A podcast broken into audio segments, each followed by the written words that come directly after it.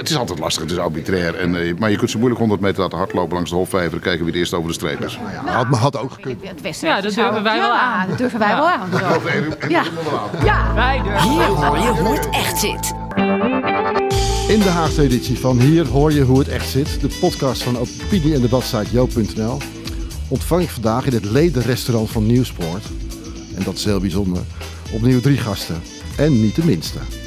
Om te beginnen Sharon Gesthuizen. Die na ruim tien jaar trouwendienst voor de SP de Tweede Kamer. De Tweede Kamer nu gaat verlaten. Ze was woordvoerder asiel en immig- immigratie. En vorig jaar nog bijna voorzitter van de hele club. Ze legde het maar net af tegen bestuurskandidaat Ron Meijer. Ze neemt donderdag officieel afscheid van de Kamer, maar heeft al een nieuwe baan. Ze wordt voorzitter van de branchevereniging Kinderopvang. Daarna mevrouw Gesthuizen, kinderopvang. Dat lijkt mij nu een stuk minder spannend dan nachtelijke debatten over bed, bad en brood. En nu gaat u me zeker uitleggen dat ik me vergis. Ja, u vergist zich er inderdaad. Eh, er moet namelijk heel wat veranderen in de kinderopvang. Maar daar kan ik nog niet zo heel veel over zeggen. Omdat ik daar heel netjes mee wacht tot het moment dat ik hier echt ben afgezwaaid. Dus over een paar weekjes. Oké, dus maar het wordt heel spannend, begrijp ik. Oké, nou, natuurlijk heel belangrijk. Ik bedoel, kijk, we zijn het er allemaal wel over eens. Ik heb zelf maar één dochter, maar we zijn het er volgens mij allemaal wel over eens dat de jeugd de toekomst is. En dat je met, de best mogelijke, met het best mogelijke begin voor hen, en dus ook goede, uitdagende opvang, dat je daarmee ook investeert in mensen. Nou, ik hoor dat u er klaar voor bent. Dat, eh, wordt, dat wordt nog spannend dan. Eh, aan haar zijde Mona Keizer, de vrouw achter Sibrand Buma. En dus eigenlijk degene die de stemmen moet binnenhalen voor het CDA. Want zo grijs als Sibrand is, zo veelkleurig, spontaan en charmant is Mona. In Purmerend heeft zij het CDA weer op de kaart gezet. En nu moet het nationaal gebeuren. Dus aan jou de vraag, hoe ga je Wilders weer klein krijgen?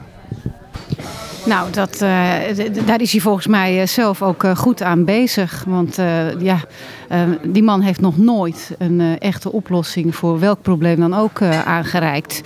En eh, overigens is de meest interessante vraag hier: waar heeft Nederland nou behoefte aan? Aan schreeuwers of ruziemakers of mensen die dingen beloven? Of zien ze dat Nederland toe is aan een zeer betrouwbaar en degelijk ma- man als Siebrand is? Ik denk dat laatste. Oké, dus dat is de methode om Wilders klein te krijgen. Wijzen op het, eh, op het eh, solide alternatief Sibrand Buma. Correct. Oké, dank. En dan, hier naast me, de ware koning van het Binnenhof. Een journalistiek monument. Als ik met deze man over het plein loop, houden mensen hem aan voor een handtekening of vragen of ze met hem op de foto mogen. En nooit aan mij, terwijl ik toch zeker net zo knap ben. Frits Wester van RTL Nieuws is een begrip aan het Binnenhof. En op Twitter, waar hij maar liefst 715.000 volgers heeft. Ja, 715.000 volgers. U hoort het goed. Zijn nieuwsrubriek was afgelopen week zelf onderwerp van het nieuws. Tot en met vandaag aan toe. Dus Frits, onthul het nu maar hier. Wat gaan we doen? Wel of niet debatteren bij RTL? Ja, er komt toch een debat. Eh, eerder hebben eh, PVV en VVD eh, afgehaakt. eh, die zijn afgehaakt voor het premiersdebat. Omdat wij uiteindelijk voor vijf partijen kozen in plaats van vier. Omdat de vijfde partijen zo dichtbij lag in die gemiddelde peilingen. Ja, dan kun je die eigenlijk niet uitsluiten. Dat is heel ingewikkeld. Wij vonden dat redelijk. Nou, dat werd niet helemaal gedeeld, dus die haakte af. Ja, toen hebben we het debat afgeblazen. En toen hebben we nog eens even heel goed nagedacht. Ook goed gekeken naar alle reacties die binnenkwamen via mails en Twitter en nou ja, via andere kanalen. Eh, mensen willen toch wel graag een debat om de keuze helder te kunnen maken. Dus toen hebben we gezegd, eh, vandaag besloten, nou dan doen we het, gaat gewoon door. Dan toch met vijf. En dan halen we de, de volgende, ja zeg maar, de partijen die erachter staan erbij. Dat is de SP en eh, de Partij van de Arbeid. Frits, dit moet echt een persoonlijke opluchting voor je zijn. Want ik zag, ja, dat is een drama. Jouw debat werd gewoon, die werd je ontnomen door Rutte en Wilders. Ja. Voelt het ook zo? Nou, het is wel zo. eh, het gaat natuurlijk niet om mij. Ik vind het natuurlijk zelf jammer. Maar ik vond het vooral voor de, voor de kiezers jammer. Als je een keuze moet maken. Nee, maar, je altijd wel... Ja, Ja, ik zeg het niet om te plagen hoor. Ik vind het altijd een prachtig moment voor jou ook. ja, nee, maar dat, dat is ook zo. Het is toch een beetje alsof je de fi- finale van de, de WK voetbal mag fluiten. En eh, je bereidt je daarop voor. Je bent er lang mee bezig. Je denkt er constant over na. eh, tussen de bedrijven door. Maar je bent er wel steeds mee bezig. En vorige week tekende zich al iets af van het PVV. VVD gaan waarschijnlijk niet meedoen. En dan voel je gewoon dat de creativiteit wegstroomt. Dan denk je, nou ja, spanningsboog valt eraf. Laat maar.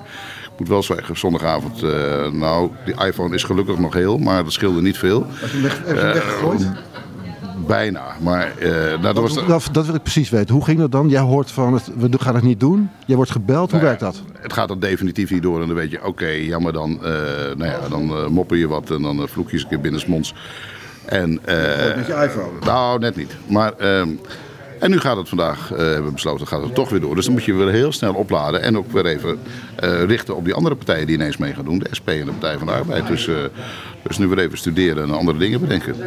De SP dolblij dat het debat eh, deze wending heeft gekregen. Jullie zouden het niet meedoen, maar nu mag Roemer toch shinen daar. Ben je blij? Ja, ik zou willen zeggen een, een geluk bij een ongeluk. Ik, ik ben wel ongelukkig met de manier waarop het is gegaan. Kijk, als het anders zou zijn gegaan, dan hadden wij natuurlijk heel erg gehoopt dat RTL de op zich terechte beslissing van laten we nou wel even uitgaan van een, een onzekerheidsmarge bij die peilingen. Dus laten we ook de, eh, de wat kleinere middenpartijen die nu in de peilingen eh, bijvoorbeeld op 12 of 13 zetels staan, laten we die ook uitnodigen. Ik vind dat heel correct, omdat je daarmee niet die peilingen een self-fulfilling prophecy laat zijn. Dus volgens mij is dat een hele goede keuze geweest. Dus daar hadden we dan zeker wel op gehoord of eh, op gehoopt. Maar het is natuurlijk heel zuur als je bedenkt dat partijen die virtueel de grootste zijn op zo'n manier aan de, aan de touwtjes menen te kunnen trekken. En zich daar en daarmee inderdaad ook de kiezer een heel belangrijk debat onthouden. Want dat is, weet je, ik bedoel, het- vriend of vijand zal het erover eens zijn. Het RTL-debat is va- vaak wel een heel bepalend moment in de, in in de nadeel, campagne. zoals jullie ook ja, weten. absoluut. Ja, absoluut. Maar goed, nu zijn ze er niet bij. Eh, is het debat dan toch nog even waardevol? Ja, ik, ik kan niet ontkennen dat het natuurlijk heel waardevol zou zijn geweest als een. Als, ik bedoel, Rutte is, is, de, is de premier. Ja, die willen natuurlijk. Die, iedereen wil hem aan de tand kunnen voeden. Wilders is virtueel de grootste. Iedereen wil hem ook aan de tand kunnen voeden. Ja, ik, mag ik het zo zeggen? Ik vind het ook echt wel heel erg laf, eerlijk gezegd, om dit zo te doen. Ik vind het ook echt niet fair. Mona, eh, voor jullie eigenlijk ook heel slecht nieuws. Want jullie zaten bij de vier partijen die het hadden mogen doen. En dan hadden jullie Rutte kunnen aanpakken. Het CDA wil niet liever. Ehm, is dit debat even interessant? Eh, zeker. Eh, kijk, het is eh, wat mij betreft van Rutte arrogantie van de macht om zich zo op te stellen. En voor Wilders is het gewoon duiken voor moeilijke vragen. Nou, ze dachten daarmee weg te komen. Dan helemaal geen debat. En ik ben dan ook ontzettend blij dat RTL daar niet voor gezwicht is. Dat er nu dus een ander eh, debat komt waarin we eh, op andere onderwerpen, maar ook met elkaar eh, gaan spreken. Ja, als je kijkt naar de VVD, het is toch een beetje. Ze zijn constant bezig met, met de marketing van Rutte. Eh, met kijken hoe ze eh, kunnen duiken op de momenten dat hun uitkomt. Terwijl hij is gewoon de premier. Ehm, ze doen alsof Nederland er ontzettend veel beter voor staat.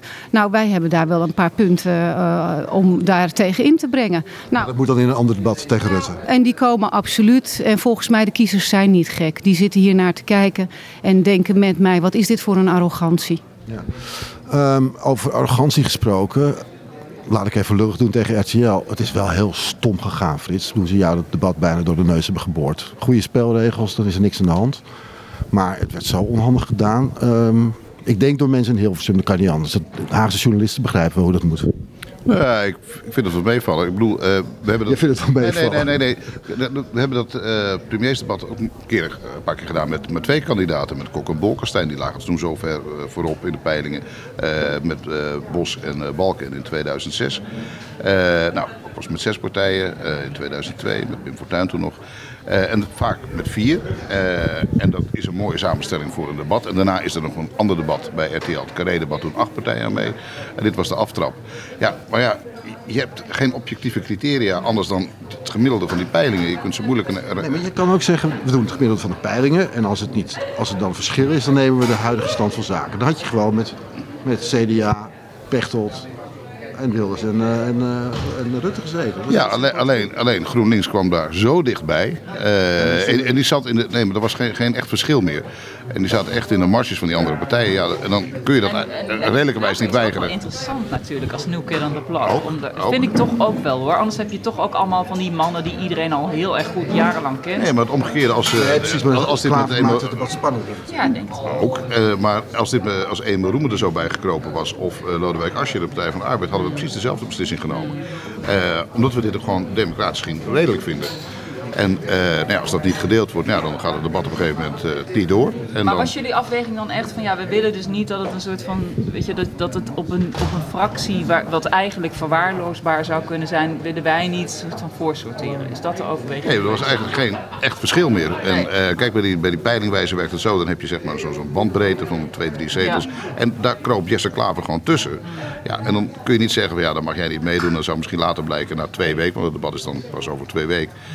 Eh, nu anderhalve week, eh, dat hij er misschien overheen gesprongen was. Ja, dat, dat is ook heel raar en vervelend. Dan Het is gewoon Vanuit lastig. de andere kant, van mensen die zeggen van, eh, vanuit GroenLinks bijvoorbeeld, die zeggen van wij staan er wel echt op dat we dat Nee, nee, dat is geen- Oké. Kijk, Er is namelijk ook geen druk geweest van de PvdA. Die hebben ook nooit gezegd van je mag een regeringspartij niet uitsluiten van dit debat. Die zijn nooit naar RTL toegegaan om daar... eh, hoor je dat? Straks een Frits vragen hoe vaak ze de PvdA bezoek hebben gehad. Nou, er is inderdaad wel over gesproken. Die wilde dolgraag meedoen. En toen heb ik ook gezegd, kijk, in 2012, eh, het CDA was toen regeringspartij geweest. En die vielen er buiten toen, ook buiten de vier. En toen zei niemand bij de Partij van de Arbeid, ja, die moet het CDA ook meedoen, want anders kunnen we niet debatteren. Dus we hebben gewoon die spelregels. Maar als die partijen zo dicht bij elkaar liggen, dan moet je ach- achter de komma gaan, li- gaan kijken. nogmaals, jullie hadden, jullie hadden gewoon als, als fallback scenario kunnen zeggen... oké, maar dan, dan als ze zo gelijk weer nemen het huidige zetelaantal... dan had er niemand kunnen klagen. Ja, maar weet je wat het probleem is met het huidige zetelaantal? Dat is een formule die ook eens gebruikt hebben. Eh, dan sluit je eigenlijk partijen die ineens heel sterk opkomen, sluit je op voorhand uit. Als je uitgegaan was van het huidige zetelaantal, bijvoorbeeld. Nee, ja, heeft- nou, dat snap ik. Maar, en bijvoorbeeld, dan, had, dan had, had bijvoorbeeld Pim Fortuyn in 2002 niet mee kunnen doen als nieuwkomer. Dan had eh, de SP destijds nooit mee kunnen doen, eh, die toch met twee. Eerst maar met twee zetels in de Kamer kwamen. En daarna ineens heel sterk doorgroeiden. Dus toen toch mee moesten gaan doen met die debatten bij ons. En eh, ja, dan blokkeer je mensen die heel erg sterk opkomen. eh, nieuwe initiatieven. En eh, dat is ook een lastige. Het is altijd lastig, het is arbitrair. En, eh, maar je kunt ze moeilijk 100 meter laten hardlopen langs de Hofvijver. en Kijken wie het eerst over de streep is. Ja, had, had ook gekund. Het Westen. Ja, dat durven wij wel aan. Ja, dat durven wij wel aan. Ja. ja. Wij durven dat wel. Jullie wel, jullie wel, ja. ja.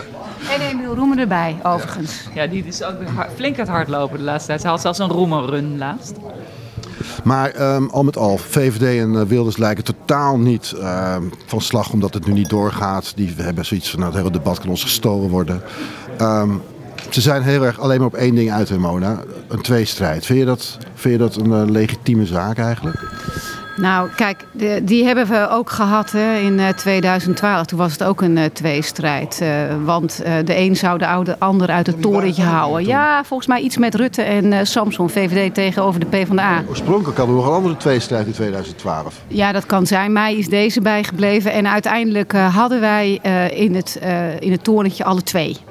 Nou, nu is er helemaal iets bijzonders aan de hand. eh, want nu zou er dan iets van een tweestrijd komen tussen twee heren. Die, waarvan de een in ieder geval de andere uitsluit. De VVD zegt eh, wij gaan nooit samen met eh, de PVV. Nou ja, we weten allemaal hoe we inmiddels kijken naar beloftes van Mark Rutte. Maar als hij hem gestand houdt, ja, hoezo? Welke tweestrijd dan? Met wie gaat hij dan samen? Dus weet je, ehm, het slechtste wat je kunt doen is je stem laten bepalen door zo'n eh, tweestrijd. Eh, kijk gewoon naar welke partij het best bij jou past en die de beste oplossing heeft voor Nederland. En dan heb ik uiteraard een stemadvies. Nou ja, kijk, dit, dit- kijk die- zo'n tweestrijd. eh, kijk, het gaat bij verkiezingen ook om de macht. Eh, het CDA heeft natuurlijk in het verleden ook gebruik gemaakt van tweestrijden. Vele jaren lang, denk ik? Het, bijvoorbeeld tussen Lubbers, Lubbers en Den Uyl in eh 86. Dat was echt een tweestrijd. Eh, tussen Wouter Bos en Jan-Peter Balkende. Dat was echt een tweestrijd. En die wilden ook graag samen debatteren. Dus partijen hebben op een bepaald moment baat bij zo'n tweestrijd. En dan is het misschien eh, Rutte die dan niet met Wilders gaat regeren en dat absoluut niet wil. Maar wel zoiets van, wil je hem daar hebben als grootste of wil je mij daar hebben als grootste? En je ziet het ook in onderzoeken, en dat was ook een beetje te voorspellen. Als dat echt een beetje die kant op gaat, ja, dan kost het CDA wellicht stemmen. eh, die dan zeggen, nou, doe dan toch maar Rutte. Eh, D66 heeft er last van, GroenLinks wat minder. Maar schijnt zelfs bij de Partij van de Arbeid te spelen. Dus dat die partijen daar belang bij hebben, ja, dat snap ik wel. Maar vind je het ook, ook gelegitimeerd om dan maar... Ja, volgens mij hebben de spelregels van RTL ook een beetje aangegrepen om weg te lopen. Ik bedoel, ben je daar, vind je dat, zie je die achterliggende agenda? Ja, die zie ik wel, maar eh, ik ga je niet zitten zwarte pieten. Het is nu zoals het is. En eh, Ja. dat ene debat gaat in die vorm niet door. En er komen twee andere partijen bij. En eh, nou, dat vind ik zelf wel heel leuk. En het carré-debat met acht? Het carré-debat met achter gewoon door. Ja, ook met deze twee. VVD en PVV. Het is nog niet... Dat hebben ze nog niet af- dat hebben ze nog niet afgezegd. afgebeld, nee. Ja, de SP was eigenlijk ook niet weg was van een tweestrijd. Die hebben het uh, vier jaar geleden inderdaad geprobeerd met uh, Rutte uh, Roemer. Werd niet zo succes, hè? Maar vond je dat een goede gedachte toen? Ja, weet je, dit is ook gewoon een dynamiek waar je, je kunt er van alles over roepen, je kunt er van alles over vinden. Je kunt proberen aan bepaalde touwtjes te trekken om het te versterken, maar uiteindelijk is het ook, heeft het ook gewoon zijn eigen dynamiek. En pijlers, sommige pijlers kunnen dat wel een beetje voorspellen. Die denken van, nou weet je, ik loop al heel erg lang mee en ik heb deze ervaring. Natuurlijk, er zijn veel meer verkiezingen geweest waarbij er een tweestrijd was. Dat is ook niet helemaal gek.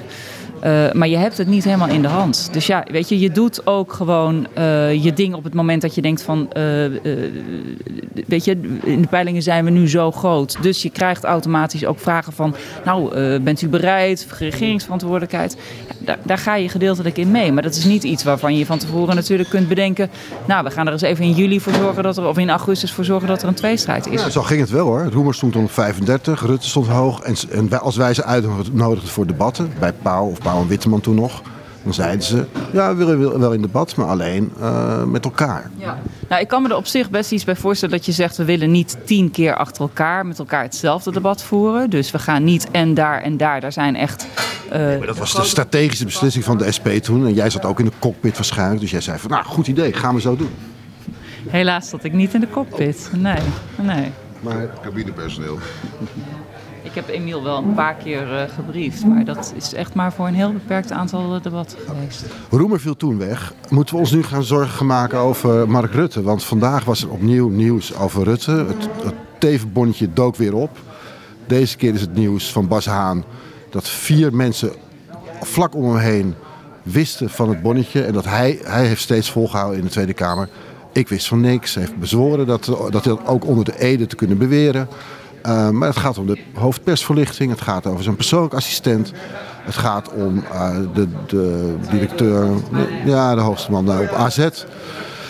Frits, zit Rutte nu echt in de problemen of moeten we hem gewoon toch op zijn blauwe ogen blijven geloven? Nou, hij heeft wel aangegeven in het debat dat uh, vier mensen op zijn ministerie het wisten. dat staat ook in het artikel van Bas Haan. En ja, ik kan het tegendeel vooralsnog niet bewijzen dat het niet zo is. En uh, dat moet blijken. Dan moet de Kamer maar lekker uitvechten met hem. Dat zal ongetwijfeld in debat overkomen. Maar de staatsrechtelijke vraag is natuurlijk, die wordt ook al wel in de media opgeworpen. Dat is natuurlijk heel terecht. Dat je zegt, ja wacht eventjes, weet je, we zijn echt bereid om, om uh, uh, zolang het tegendeel niet bewezen is, om een bewindspersoon te geloven. Maar het, is natuurlijk, het zou natuurlijk krankzinnig zijn als je je altijd kunt verschuilen achter van, ja weet je, mijn persoonlijk assistent wist het misschien wel.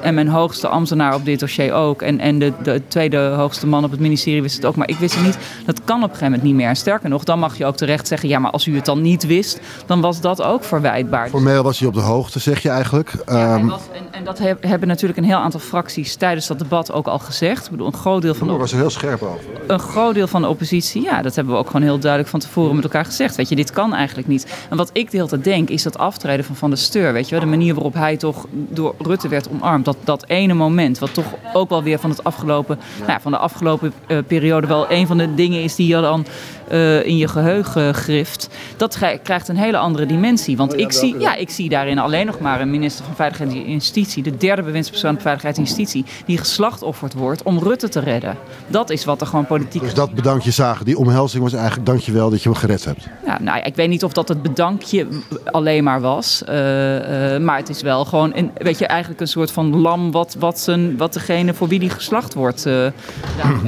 nou, nu zit ik meteen bij Mona en het CDA. Want ik bedoel, dit, is, ja, dit beeld is zo prachtig. Het doet me zo, brengt me zo terug tot in mijn jeugdjaren in de kerk en zo.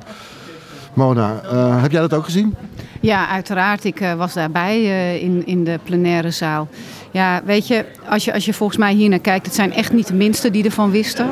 Um, Bas Haan uh, kan dat uh, onderbouwen. Sophie Hermans, zijn persoonlijke assistent. Gaat ook Tweede Kamerlid Ja, die staat heel hoog op de VVD-lijst. En wij weten allemaal dat persoonlijke assistenten, die zitten dag en dagelijks ook met bewindspersonen in auto's, in vergaderingen.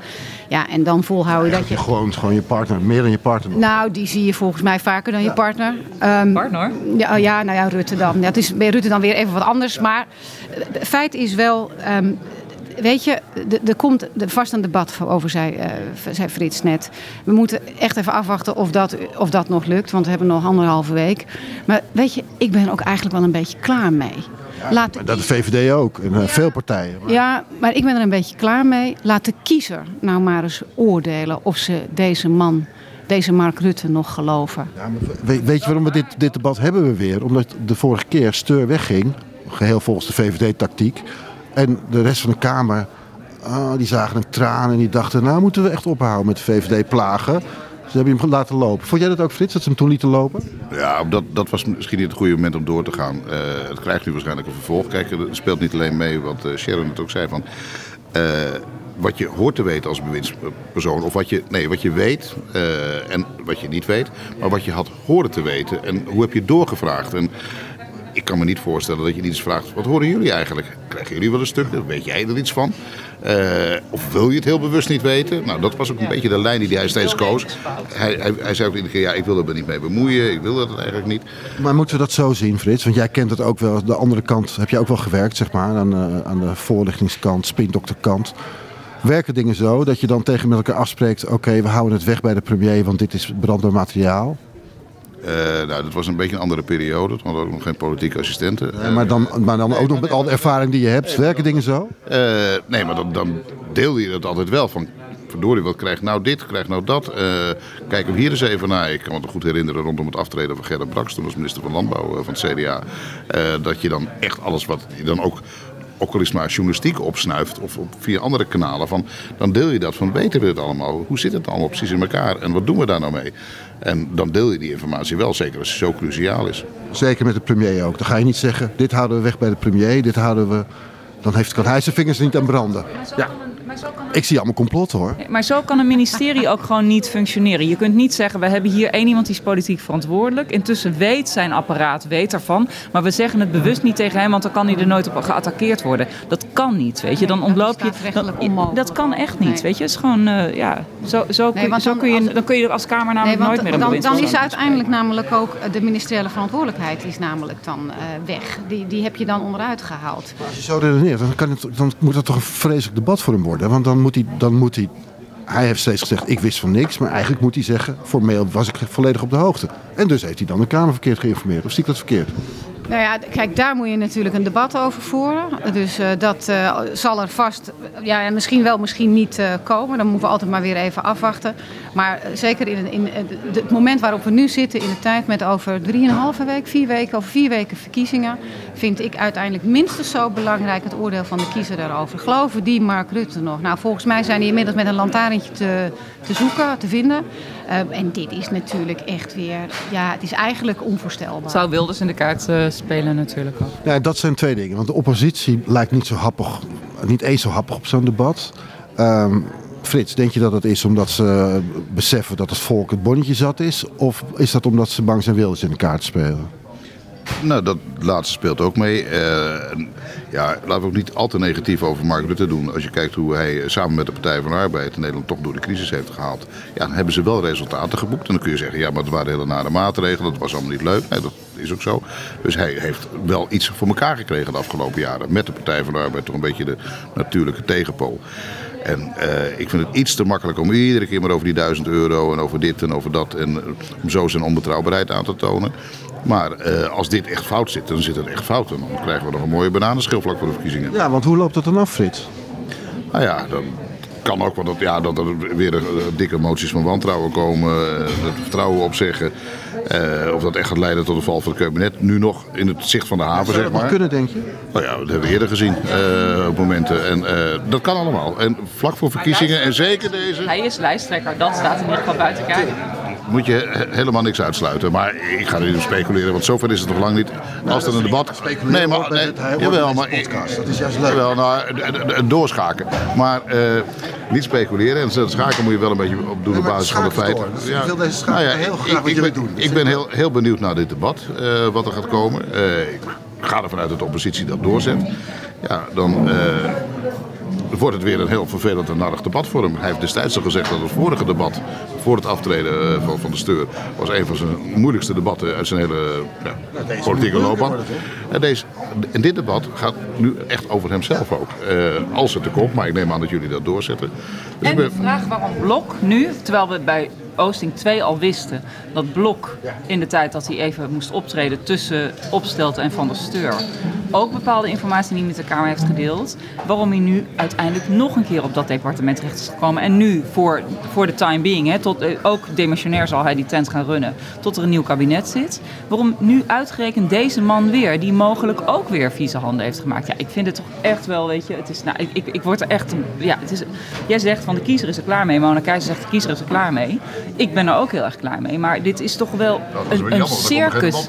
Dit is toch wel, nee, nee, nee, het moet, de, de, zeker, de waarheid moet boven tafel komen. Nou, weet je, er zijn, er zijn heel veel... Zie jij, dan, zie jij dan nog een mogelijkheid dat die ook nog echt valt? Ik vind, weet je, we hebben nog geen debat aangevraagd. We hebben vragen gesteld. Dus we gaan die antwoorden, gaan we antwoorden afwachten. Maar ik vind toch ook echt dat je als oppositie wel tot de laatste snik toe moet zeggen... we willen de waarheid boven tafel krijgen. Dus als er een debat voor gevoerd moet worden, prima. En als de Kamer daar uiteindelijk onverhoopt voor terug zou moeten komen van verkiezingsreces... ik weet niet of dat een novum zou zijn trouwens... dan moet dat ook gewoon kunnen.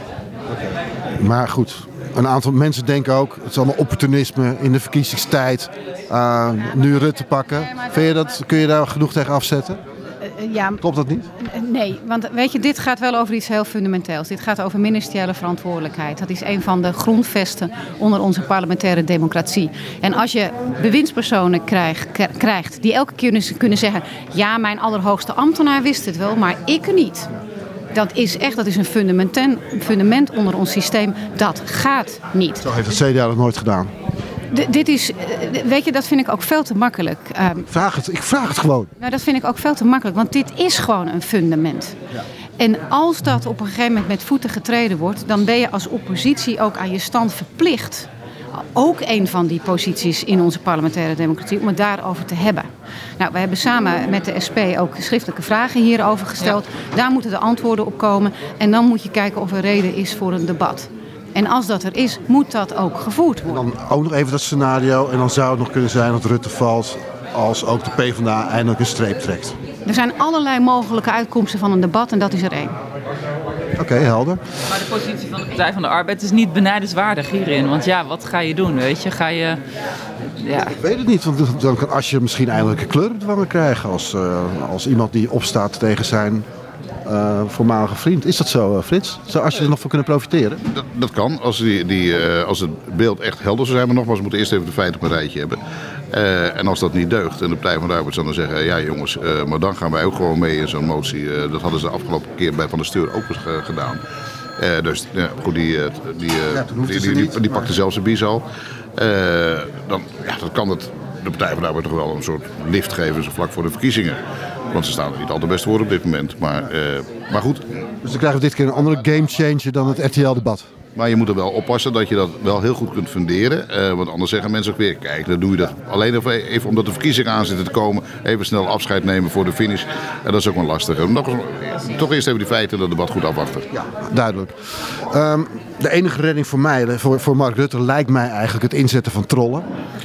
Ehm, nou, jullie weten, we moeten het over trollen hebben. Trollen zijn gewoon het nieuws in Den Haag eh, vandaag. Kuzu werd vandaag belaagd alsof hij Geert Wilders zelf was door alle cameraploegen.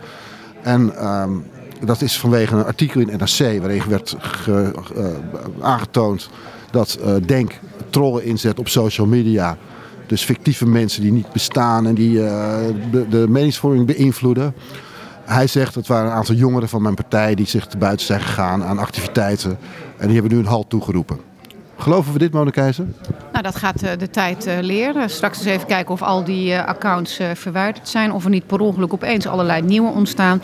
En trouwens ook eens even kijken of ze stoppen met het maken van filmpjes van ehm, Kamerleden die van eh allochtone, niet-westerse allochtone afkomst zijn. En een, eh, een stem uitbreiden die denk onwelgevallig is. Want ik vind dat buitengewoon kwalijk. Denk doet net, doet net alsof ze bezig zijn met verbinding. En het enige wat ze doen is verdelen. En op een, wat mij betreft, afgrijzelijke manier. Dat wat ze de PVV verwijten, doen ze zelf. Wie is de beste troll van de SP, eh Sharon Gesthuizen? wij, wij doen dat niet georganiseerd. Ik kan niet uitsluiten dat het Georganiseerd? misschien... Nee, nee, zeker niet. Zeker, absoluut. Ik vind ook echt iets dat dat iets is waar je, weet je, je moet, je moet je daar ver van houden. En nou ja, Kuzu heeft nu natuurlijk gezegd van, eh, wij wisten er ook niks van. Eh, het, heeft, het wekt de indruk dat het anders is. Overigens weet ik dat. Ik weet zelf al dat ik al jarenlang nep-mailtjes krijg uit nep-accounts van allerlei mensen die op de een of andere manier gelieerd zijn aan de PVV. Dus dat betreft is het, het is echt, er is echt niks nieuws onder de zon natuurlijk. Nee, Frits, is dat zo? Is er niks nieuws onder de zon? En doen andere partijen dit ook? Nou kijk, eh, dat partijen social media gebruiken eh, vanuit hun eigen, door hun eigen medewerkers en vanuit hun eigen achterban om de eigen partij de hemel in te prijzen bij een debat of op een ander moment eh, kritiek te hebben op eh, de tegenstander. Dat is heel logisch. Daar is dat platform ook voor. Eh, en er zijn natuurlijk heel veel accounts van mensen die zich achter iets anoniems verschuilen. Hebben een foto van een, een hondje of een poesje van geit en eh, met een of andere wonderlijke naam. Of alleen een Nederlands vlaggetje erbij. Eh, die dan lekker anoniem van alles kunnen zeggen. Nou ja, en die hebben misschien nog wel andere accounts daarnaast. Geert Wilders overigens had destijds ook een nep-account, maar dit gebruikte hij om anderen te volgen. Zoals eh, Kim Holland en de Donald Duck. En, eh, nou ja, we- we- ja, mijn collega Roel Hoe heet ze dat account? dat weet ik niet meer precies, maar mijn collega uh, kwam erachter. Nou, daar reageerde hij ook wel sportief op. Hij zei, ja, op met dat account volg ik mensen, dat haal ik nu ook meteen weer weg. Maar hij zond niks uit vanaf de- vanuit dat account. Ja, en Kuzu zei afgelopen zaterdag, eh, nadat we hem de hele dag niet aan de, aan de telefoon konden krijgen. Ook van ja, oké, dat komt een beetje uit de jongerenbeweging, anderhalf jaar geleden. En eh, doen onderzoek en dat, daar gaan we echt mee stoppen. Nou ja, voor wat het is. Maar ik vind als een partij zich van dit soort methoden eh, bedient, echt bewust. Eh, dat een, een- een lid iets doet, nou ja, daar heb je allemaal geen grip op, dat zie je ook allemaal niet. Maar als je dat bewust vanuit een partijleiding doet, dat vind ik dat niet alleen verwerpelijk, maar ook ongelooflijk zielig. Maar wel aandacht. Het genereert wel aandacht. Dus blijkbaar hebben ze er wel iets aan. Nou, en de vraag is of het alleen van de jongeren kwa- kwam. Hè. Nummer twee of drie eh, op de lijst, eh, dat stond ook in het NRC-artikel, gaf eigenlijk gewoon min of meer opdracht via de sms eh, hiertoe. Dus misschien is dat toch ook wel een beetje te makkelijk. En ja, aandacht genereert het. Het is wel Ja. grappig dat zij die slogan gebruiken met trap er niet in. En Ja. dan nu dit. ja. Eh, je eigen kak, ja. Ja, die slogan die hanteren ze altijd zodra de pers met een negatief verhaal over ze komt. Is dat niet een... eh, voel jij je aangesproken? Trap er niet in, Frits? Nee, in het geheel niet. Ik bedoel, eh, het is, bij een aantal partijen is het nu gebruikt. We- Aan de ene kant vechten, eh, vechten tegen de, wat ze dan noemen de elite. Nou, een samenleving kan niet zonder bepaalde elites op, op onderdelen in die samenleving. Tegen de gevestigde orde. Dat zijn vaak Kamerleden of die komen uit die gevestigde orde. Wilden zelfs misschien lijsttrekker worden van de gevestigde orde. En dan lukt het niet. Denk aan Jacques Monaus. En dan zeg je twee weken later, ja, de gevestigde orde. Ja, hallo, daar wil je zelf leider van worden. Rita van Dong destijds precies hetzelfde verhaal. Ehm maar, eh, en ja, de media die krijgen. Er is ook aanval op de media. Dat zie je Trump doen. Dave Fortuyn destijds eh, ook al. Eh, dan hebben de media het ineens allemaal weer gedaan. En ja, of heeft de media Kom jij nog gewoon binnen bij Denk eigenlijk? Ja hoor, ze hebben daar wel hele lekkere koffie, moet ik zeggen. Ja, want ik zag vandaag een enorme aanvaring tussen uh, Ustuk en, en Ron Vrezen. En dat ging heel erg hard, want Ron had zich veel te kritiekloos gebaseerd op NRC. Zo'n aanvaring heb jij niet gehad met ze? Nee, nou, ik was afgelopen zaterdag eh, in het commentaar in de RTL Nieuwsuitzending ook vrij hard over. Ik heb wel eens een keer dingen gezegd over de partij. Dat ze zich steeds meer ontwikkelde als een satellietpartij van Erdogan. Nou, daar zijn ze wel heel erg boos over geweest. En dat moest ik allemaal verklaren en uitleggen. En, ja, en wat je ook bij eh, hun vaak ziet, als je dan een gesprek hebt, dan komen er even uitzendingen en bandjes bij van ja, je zei toen dit en zei toen dat. Nogmaals, als je kritiek hebt en we beroepen iets wat niet klopt, altijd uh, staan we er open voor. Dan moet je dat gewoon kunnen zeggen. Ook als je gewoon het heel vervelend vindt. Maar dit is echt zo. Het heeft iets, soms iets intimiderends. Van eh, dan moet je dit en dat. En, nou, ik heb er verder geen last van. En, uh... Bovendien komt het volgens mij ook wel echt uit alle hoeken. Ik bel ook echt wel eens naar een journalist als ik zeg van ja, weet je, je hebt hier nu iets opgeschreven of uh, dit, dit klopt. Ik kan me nog een tierende Sharon Gesthuis herinneren in mijn oor inderdaad. Dat, uh, ik, ik weet het nog. Jij ook? Ja, ik, ik, ik, ik, had laatst iets gezegd over de commissie Kijf en de Wijf op televisie. En uh, toen had ik wel s'avonds meteen een sms'je te pakken en een telefoontje de volgende dag. Maar niet uh, van mij. en jou heb ik inderdaad wel eens uh, opgebeld. Omdat ik vond dat jij te veel meeging in die teneur van... nou weet je, Ron Meijer is de bestuurskandidaat, is de gedoodverfde winnaar. En toen dacht ik, ja, dit wordt, dit wordt zo'n self-fulfilling prophecy. Terwijl ik, ik kom bij die leden, bij die afdelingen... met die interne SP-verkiezing. kom bij afdelingen en ik weet dat ik heel veel steun heb. En dan vind ik ook, dat moet je ook als politicus wel durven zeggen tegen een journalist. Ja, een Kamerlid mag best bo boos worden op een politicus, toch Mona? Sorry, wat zeg je? Een Kamerlid mag best boos worden op een journalist. Door ja. Oh ja, als, als, als die iets opschrijven wat niet waar is of wat je niet gezegd hebt, uiteraard. En volgens mij een, een goede journalist trekt zich dat ook aan. Want ja, dat is ook natuurlijk hoor en wederhoor. En weet je, niets menselijk is ons allen vreemd. Dus ook een journalist maakt wel eens een fout. Maar weet je wat ik vind... Heb je eens een journalist zo hard aangepakt dat hij inmiddels in jouw kamp zit? Uh, volgens mij, een goede journalist gaat niet in een kamp. Dat, dat is Gelukkig. Nee, ja, zo is het toch. Nee, maar als je kijkt naar Denkte, weet je, ik vind eh, practice what you preach vind ik altijd een heel mooi uitgangspunt. Zij eh, lopen te hoop tegen etnisch profileren. En wat doen ze in de praktijk? Etnisch profileren van collega's van ons die van niet-westerse allochtone afkomst eh, ze zijn. Koerdisch bijvoorbeeld. Ja, absoluut. Onze Mustafa Amhaus. Ik vind het werkelijk schandalig. Zij zijn voor verbinden en het enige wat ze doen is dingen stuk maken. En dat vind ik gewoon onverteerbaar. Ze, willen- ze worden in hun manier van werken regelmatig vergeleken met de PVV en Wilders. Is dat een terechte vergelijking? Nou, dat heb ik net eh, zelf ook gezegd. Dat wat ze de PVV verwijten, doen ze zelf. Nou, ik, ik vind, als ik heel eerlijk ben, vind ik niet dat ik van. Ik kan eigenlijk van geen enkele partij of afsplitsing in de Kamer zeggen dat ze alleen maar dingen kapot maken. Maar dus, weet je, dus een beetje gechargeerd misschien zoals je dat eh, stelt.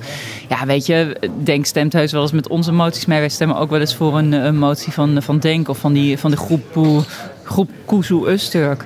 Eh, maar het is absoluut wel waar dat ik vind dat er ook echt wel minder frisse kantjes zitten. Ze hebben wel een heel mooi links programma.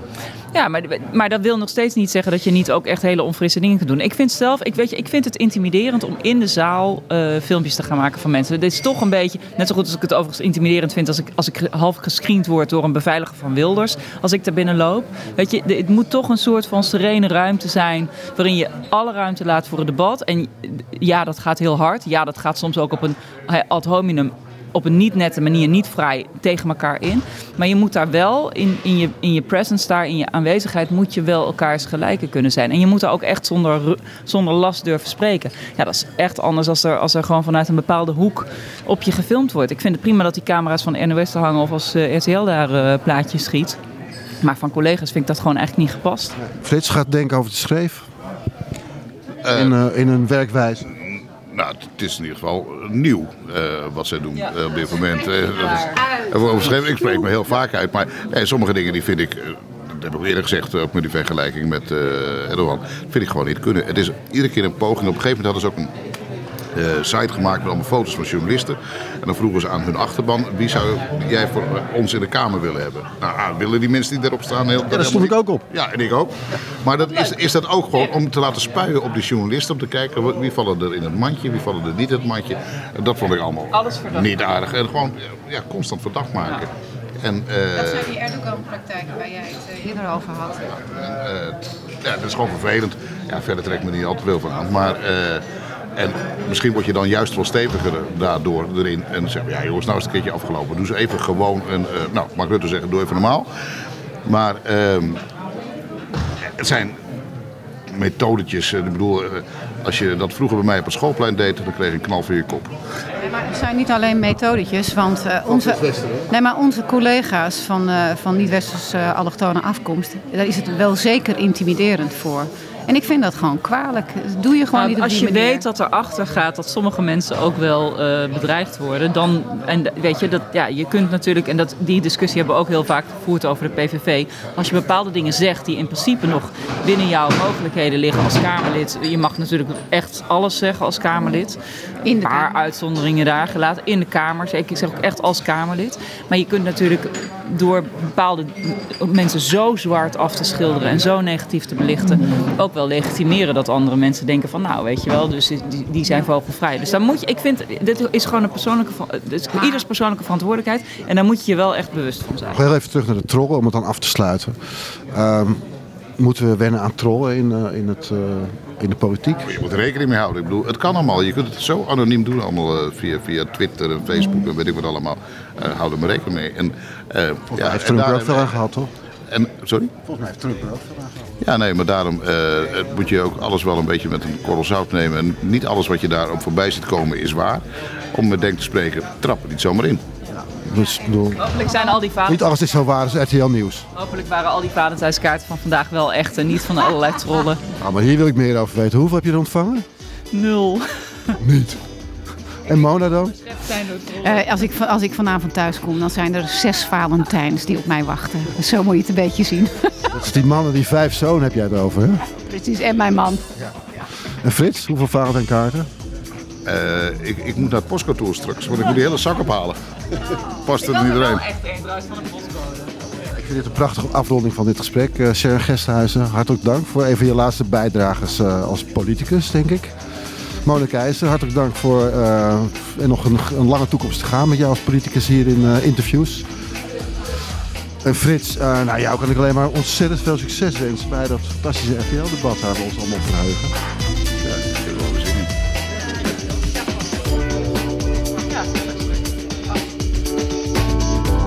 Hoor je hoe het echt zit.